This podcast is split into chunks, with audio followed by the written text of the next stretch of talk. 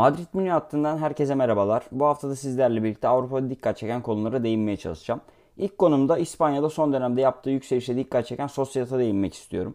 Sezon başı Sociedad için minimum hedef bundan önceki 2 yıl olduğu gibi en azından Avrupa Ligi vizesi almaktı. Dünya Kupası arasına kadar da aslında açıkçası beklenti bu yöndeydi.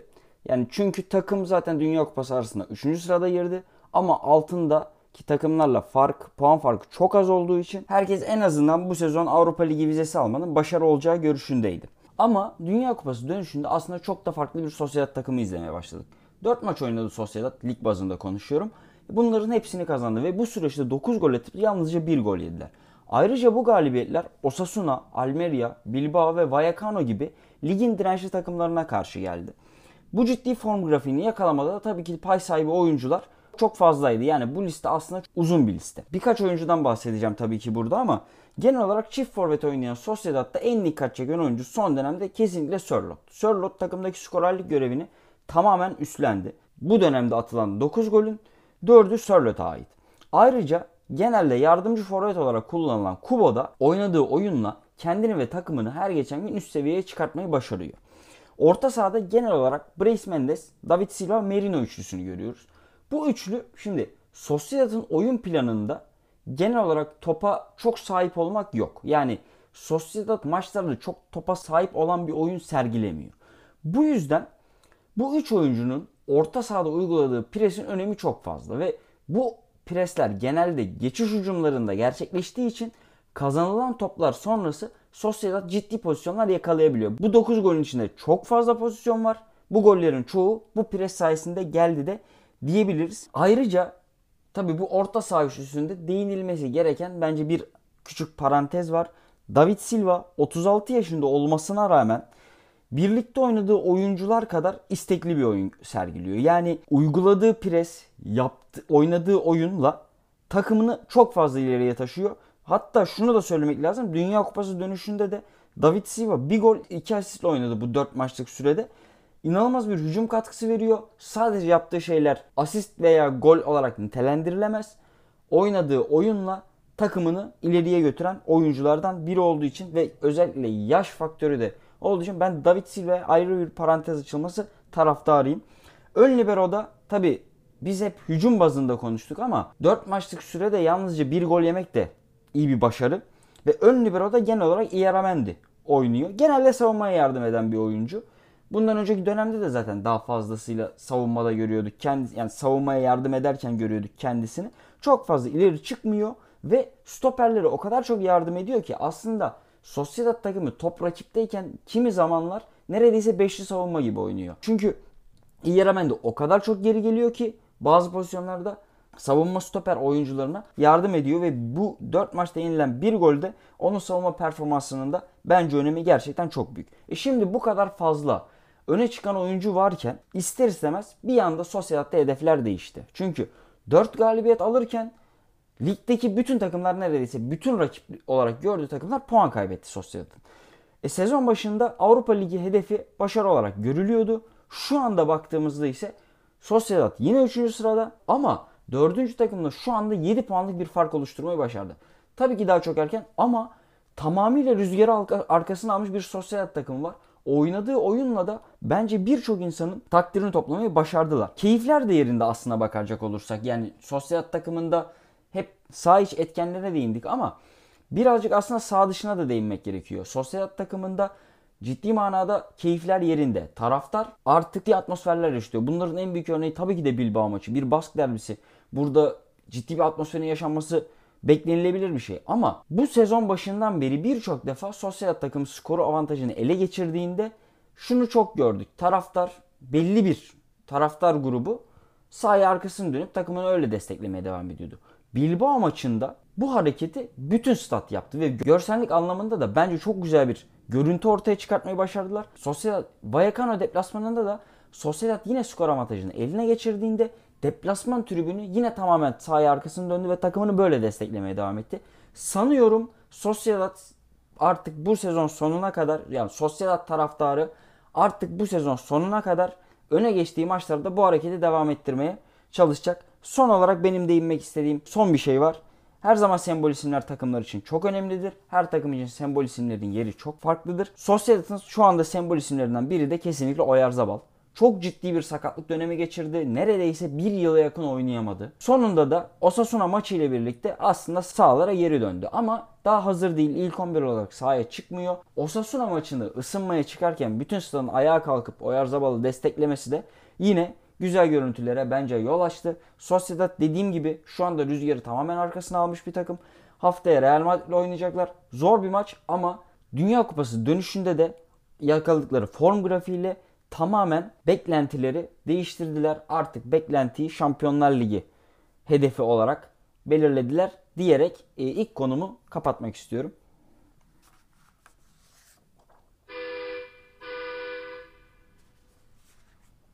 Haftanın olayına gelecek olursak Almanya Bundesliga'da ara çok büyük bir maçla bitti diyebiliriz. Leipzig haftanın olayında sahasında Bayern Münih'i, lider Bayern Münih'i konuk etti.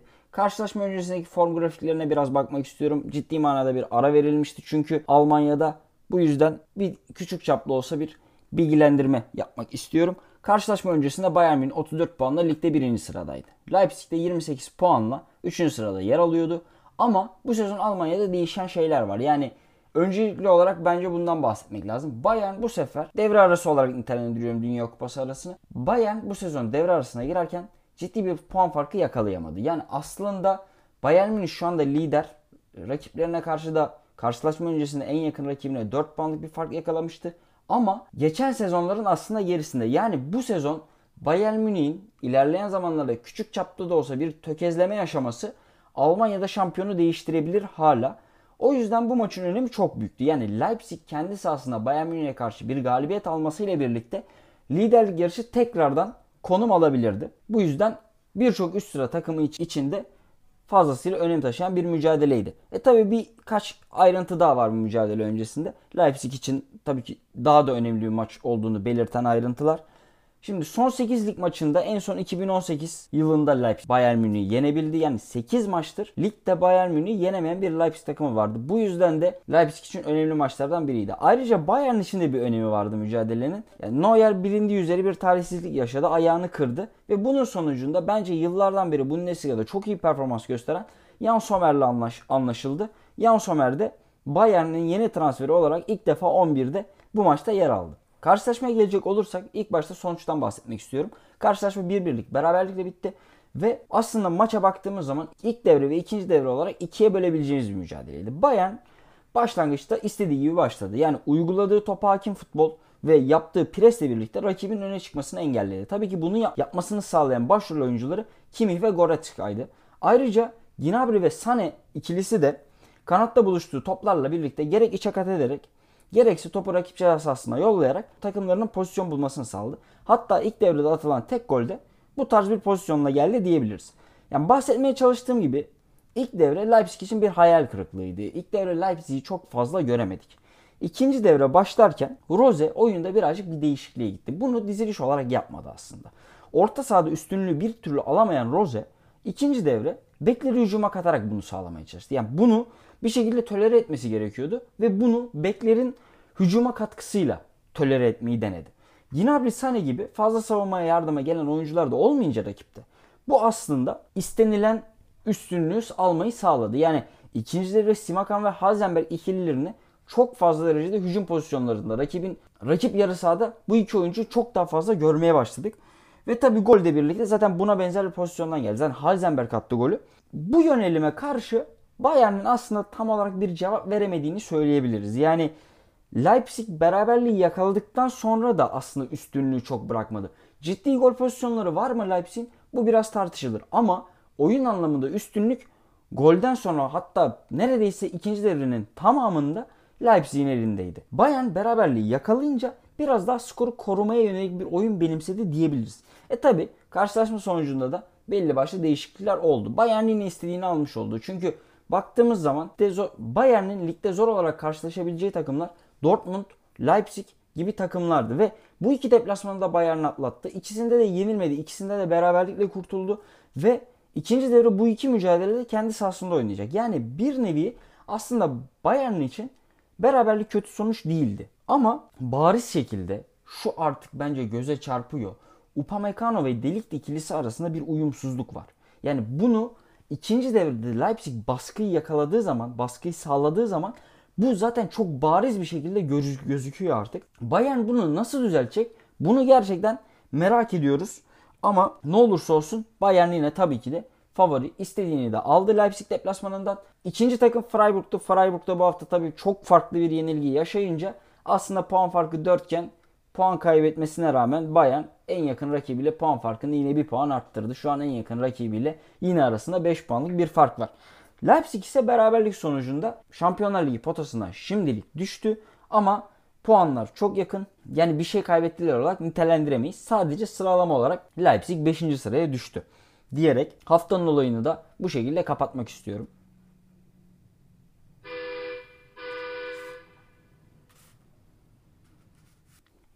Son konumda ise İtalya'da belki ismini ilk defa bu sene duyduğumuz bir takıma değinmek istiyorum. Bu takım tabii ki Monza. Monza hakkında konuşurken ise bence hikayeye 2018 yılından başlamak gerekiyor.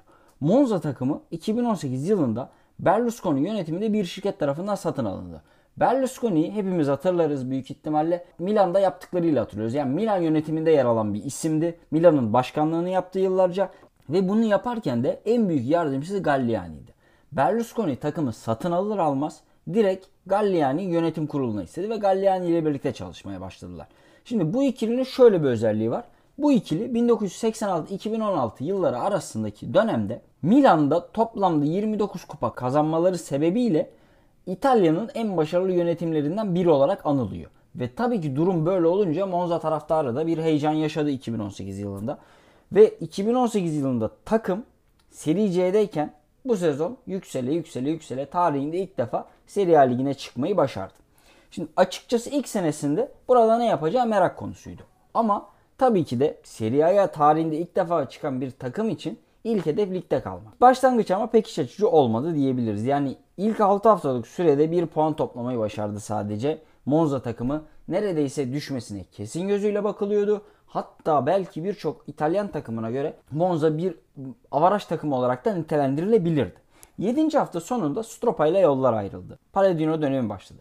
Palladino yönetiminde tamamen takım üçlü savunmaya döndü diyebiliriz. Palladino'nun oynattığı futbolla birlikte takım düşmesi kesin gözüne bir bakılan bir takımken yakaladığı iyi grafikle şu an ligde 13. sıraya kadar yükseldi. Son 5 maçtır yenilmiyorlar. Ayrıca düşme hattıyla puan farkını da ona çıkartmayı başardılar. Yani kısacası Monza Serie A'daki ilk hedefini neredeyse başardı veya başarmaya çok yaklaştı diyebiliriz. Monza aslında mütevazi bir kadroya sahip. Yani Monza'da şunu çok fazla göremiyoruz. Yani Berlusconi ve Galliani ikilisi çok fazla şunlara yönelen isimler değil. İşte biz bu takımı satın aldık. Bir şekilde finansal fair play'i ayarlayıp gidelim 50 milyona 40 milyona bir topçu alalım. Güçlü bir takım kuralım gibisinden şeylere çok fazla yönelmiyorlar. Genel olarak burada bir plan söz konusu. Ve Berlusconi ve Galliani'nin gerçekten böyle bir planları da vardı. Takımı özel topçular getirdiler. Özel topçular getirirken tabi bunları satın alamadılar. Kiralık olarak takıma kazandırdılar. Bu isimler kim dersiniz? Kesinlikle başta Pessina geliyor. Sensi, Kragno ve Marlon.